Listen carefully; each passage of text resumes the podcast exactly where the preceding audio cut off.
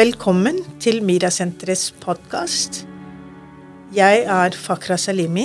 Jeg er leder for Mira-senteret. Med meg har jeg i dag eh, Kansa Ali, som er eh, prosjektleder og også sosionom. Og her sitter Anne Berit Sørdal, som er sosialantropolog, og så er administrasjonsansvarlig på Mira-senteret. Vi tre skal diskutere og ha samtale om en litt vanskelig tema. Som dere vet, 25.11. er dagen, internasjonale dagen for å avskaffe vold mot kvinner. I år så har man valgt å diskutere tema femicid. Femicid betyr drap av kvinner. Drap på kvinner. Og vi skal diskutere hvordan vold mot kvinner utarter seg i samfunnet, det er faktisk den mest utbredte systemisk diskriminering mot kvinner i hele verden. Så for å begrense temaet, temaet er veldig stort, så har vi valgt å fokusere på flyktningkvinner og innvandrere- og minoritetskvinner, og noen rettighets Eh, basert samtale. At hvilke typer rettigheter kvinner har. Så vi kan jo begynne med eh, flyktningkvinner. Det er flere millioner kvinner i verden som lever i flyktningstatus, eller de har, er på flukt. Så kanskje hvordan eh, ser situasjonen eh, internasjonalt i dag? Når vi snakker om eh, kvinnedrap, så er det jo viktig å på en måte fokusere at kvinner i krig. Det er jo der størst antall kvinner faktisk eh, også blir drept. Ikke bare av sine nærmeste, men av landets myndigheter, av soldater, av militære, politi, eh, som gjør noe som gjør at de ikke er trygge. Eh, og vi ser jo det bl.a. i Afghanistan, Syria, Libya og i alle eh, land hvor det er krig. Eh, men det er jo ikke bare i krigsområdet, men også kvinner som bor i flyktningleirer, og som er under flukt. Der er det jo rapportert mange kvinner som blir utsatt for vold, eh, overgrep, voldtekt av eh, altså militære som de møter på grensene. De blir utsatt for store, store krenkelser på vei til å kunne få komme seg til fritt liv. Vi ser jo det allerede på grensen til um, Europa, hvordan flyktninger blir behandlet. Om vi glemmer ofte at dette er, dette er mennesker, uh, og når vi da skal fokusere på kvinnedrap og drap på kvinner, så er det jo viktig å huske på at det, dette er ikke noe som på en måte er noe abstrakt. Det skjer faktisk. Det skjer også uh, Ofte så hører man jo om at det skjer i noen i land f.eks. hvor det blir æresdrap, eh, kvinner i India eh, eller Pakistan eller Latin-Amerika. Men dette jo også, skjer jo også kvinner som er på flukt, og det skjer faktisk nær våre grenser. Ja, og de kvinnene eh, som er da utsatt for eh, vold og trakassering, voldtekt og, og konsekvensen av kvinneundertrykking kan også være eh, drap. Eh, det er dessverre samme kvinner som ikke har alle rettigheter. Hvordan er situasjonen for flyktningkvinner, eh, Anne Berit? Hvordan ser du på rettighetsperspektiv?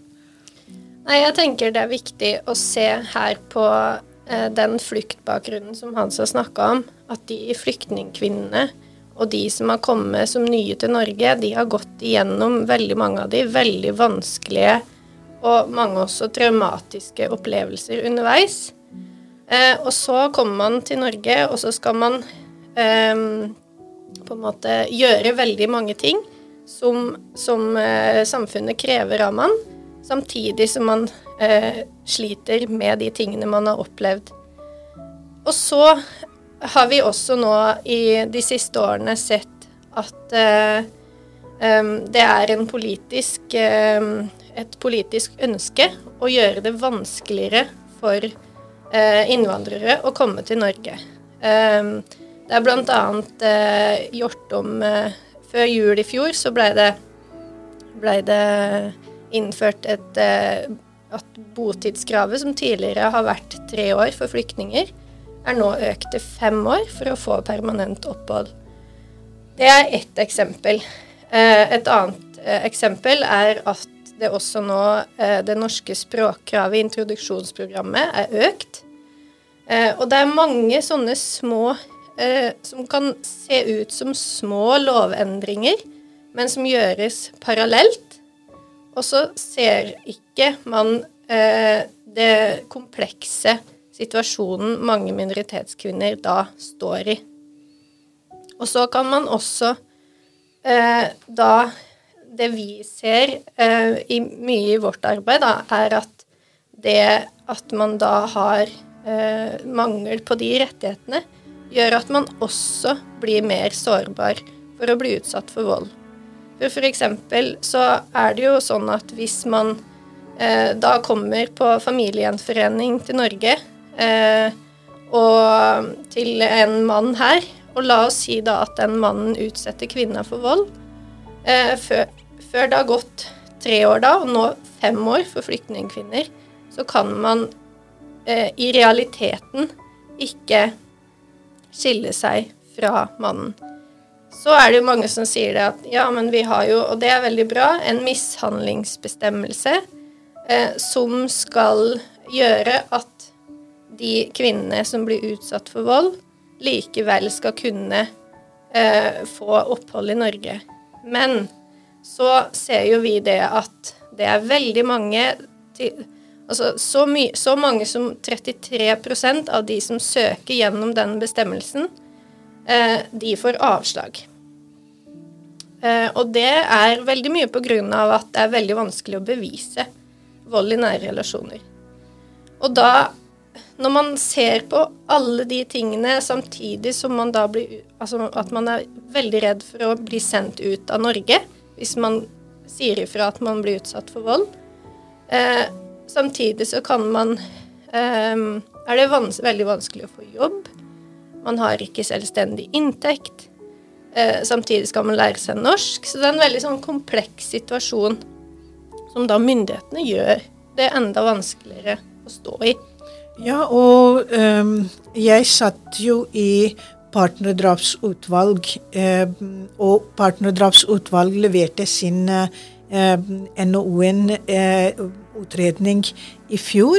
Og i det utvalget så drøftet jo vi veldig mange partnerdrapssaker. Eh, og det eh, utvalget har foreslått veldig mange gode tiltak. Og en av de tingene som vi observerte i eh, saker som handlet om eh, eh, flyktningkvinner, eller drap på minoritetskvinner, da. Eh, noen av dem hadde også flyktningstatus, eller kom gjennom flyktningbestemmelse. Så var det egentlig veldig mye usikkerhet rundt økonomien, eh, oppholdsstatus, mangel på informasjon om rettigheter. Det var så mange fakturer, og utredning heter jo varslede drap. Um, og det vi så, var at uh, de fleste drapene i Norge er varslede drap. Det betyr at uh, det har vært en voldssituasjon i relasjonen uh, over lengre tid, og konsekvensen har vært den verste konsekvens av drap. Og det var en ganske eh, alvorlig situasjon. Det, så det betyr også med andre ord at man kan faktisk forebygge vold hvis man ønsker det. Og det, den situasjonen at voldsstatistikken i Norge generelt går ned, men når man ser partnerdrapsutvalg, så går jo statistikken opp, eller i hvert fall er ikke en, nedgående trend. Mm, så det betyr at kvinner er fortsatt veldig, veldig utsatt, selv om det finnes mange lover. Og minoritetskvinner, og særlig kvinner med flyktningstatus, er enda mer utsatt. Mm. Så hvordan kan vi løse eh, de, den situasjonen. Fordi jeg tenker at eh, en ting er jo eh, rettighetsinformasjon, men når du ikke har rettigheter, hva skal vi gjøre da? Mm. Nei, og det tenker jeg er jo et uh, veldig viktig spørsmål. For uh, det er jo et uttalt mål at man ønsker å forebygge vold i nære relasjoner. Man ønsker å minke eh, drap på kvinner. Men samtidig så ser vi jo at politisk så på en måte er man med å opprettholde sårbarhetene, og at det er mange som lever i midlertidighet um, over flere år. Og noen vil jo nå kanskje aldri komme over den midlertidigheten. Og jeg tenker jo at uh, her må uh, alle som kjemper for kvinners rettigheter, faktisk stå sammen. Eh, og for å få reversert disse, disse eh, lovbestemmelsene som gjør minoritetskvinner ekstra utsatt for å bli utsatt for partnerdrap. Uh, og, og, det som er, jeg syns er litt et paradoks, er at vi snakker mye om det. At minoritetskvinner er særlig utsatt, de kan ikke språket, det er viktig med tolk. Det, er, det kan være æresdrap, det kan være tvangsekteskap. Uh, men så er det så mange som ikke vet at Men disse, mange av disse kvinnene har faktisk ikke selvstendig rett til opphold i Norge. og kan derfor ikke og dermed har ikke like rettigheter som alle andre kvinner. Så premissene blir jo veldig eh, ulike når man på en måte ikke snakker om den type maktubalanse, eh, men bare som på en måte er på strukturelt nivå. Eh, for individ, for, altså Hvis man snakker kvinner på individnivå, så er det jo mye man kan gjøre. Man kan gi rettighetsinformasjon, eh, gi, eh, snakke med de, ha tolk til stede når man kommuniserer. Men disse strukturelle hindringene må man jo stå sammen om og kjempe for at de eh, går bort. Ja, og, mm, og minoritetskvinners rettigheter, vi har jo kjempet så mange år, eh, er knyttet til strukturelle problemer. Når man sier at én av tre kvinner i hele sitt livs øh, øh, forløp opplever eh, diskriminering eller seksuell trakassering, så ser man på minoritetskvinners situasjon over eh, faktisk hele Europa eller eh, USA og verden, så ser man at eh, de fleste kvinnene opplever trakassering. Samtidig så adresserer man ikke det strukturelle problemet, fordi det ligger jo i strukturen av samfunnet. Og i Norge f.eks. så tenker jeg at dette kommer til å bli en stor demokratisk problem eh, hvis man ikke handler. Og her vil jeg gjerne også utfordre eh, kvinnebevegelse, faktisk. Fordi eh, når man snakker om likestilling i Norge eller kvinnes rettigheter, så antar veldig mange i kvinnebevegelse at eh, minoritetskvinner har like rettigheter. De må bare lære norsk mm. og så bruke disse. Men det er dessverre ikke sant. Eh, og de må stå sammen med minoritetskvinner for å kjempe for disse rettighetene. For MIRA-senteret gir jo høringsuttalelse hele tiden. Og det må kvinneorganisasjonene begynne å engasjere i den problemstilling. Ja, sånn som dere sier, så ser vi jo at det er veldig mye politisk vilje og mye fokus på å gjøre noe med eh, hva minoritetskvinner selv kan gjøre. Men eh, ikke å se på hva man som da en maktperson i Norge har, har, mulighet til å bidra med. Og da er det jo alle de, de, tingene som vi har nevnt nå. Men jeg tenker også det at man må være veldig obs på Nå lever vi jo i et, eh, et samfunn som digitaliseres eh, i enda større grad. Eh, det har vi jo sett bl.a. under koronaperioden, hvordan hvordan det gjorde at veldig mange ikke fikk informasjon. Eh, og vi hørte jo, var jo også veldig mange kvinner som fortalte oss at nå har jeg ingen steder å henvende meg. Eh, og det er også en ting som jeg tenker politikere eh, og eh, kvinnebevegelsen og alle vi som på en måte har mulighet til å påvirke strukturene, må også sette fokus på. Fordi det at en kvinne som da blir utsatt for vold, ikke har mulighet til å bruke all den informasjonen som ligger ute på nett, eh, eller eh, fylle ut alle de skjemaene som det er et krav at man skal kunne fylle ut. Eh, det gjør også at man sitter igjen enda Altså at den sårbarheten blir forsterka. Og det her har jo vi nettopp kommet ut med en rapport om, så den kan vi også anbefale dere å ta en titt på. Mm. Og det er veldig eh, eh, viktig aspekt, fordi jo mer samfunn endrer seg, jo flere sårbarhetsfaktorer blir når det gjelder vold eh, i nære relasjoner, særlig for minoritetskvinner. Og det er veldig, veldig viktig å ha en helhetlig perspektiv mm. for å bekjempe eh, volden. Og, ja, det, og det er jo veldig fint at du trekker fram det digitale, og også det som du sier, at selv om samfunnene endrer seg, så er det fortsatt vold eh, i samfunnet. Eh, og man har mange mulige eh, måter å liksom kartlegge omfanget på, men så har jo det med digitalisering faktisk gitt eh, til voldsutøvere da, enda en måte å kontrollere på.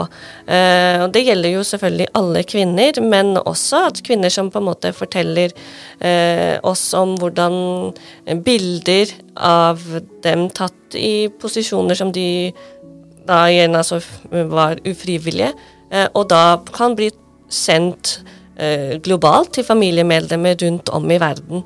Eh, sånn at, og det er jo på en måte også en sånn global utfordring eh, som man på en måte sammen må være med å bekjempe. da. Eh, og se på eh, også den digitale eh, volden som mange kvinner blir utsatt for. Og ikke, min, ikke kvinner, men spesielt unge jenter som vokser opp eh, med bruk av sosiale medier.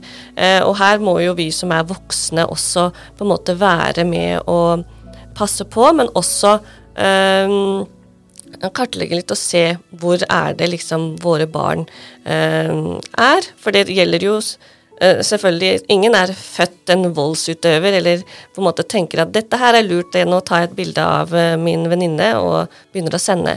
Det handler jo noe om hvilket samfunn som er rundt. Og det er ikke bare foreldrene, det er skolene, det er eh, altså både barnehagene, eh, det er liksom fritidsklubbene, det er alle menneskene som er rundt eh, personene, da. Så hvis vi nå konkluderer eh, den podkasten for i dag eh, Selvfølgelig temaet er veldig kompleks. Eh, og det som er viktigst, er å se på helheten. Og Vold i nære relasjoner og femicid, det betyr drap på kvinner, må ses i forhold til rettighetsperspektiv. For mangler kvinner rettigheter, er de sårbare. Eh, kulturelle aspekter er viktig også. Syn på kvinner, hvordan eh, manns samfunn dominerer fortsatt. Alle disse sårbarhetsfaktorer er viktig.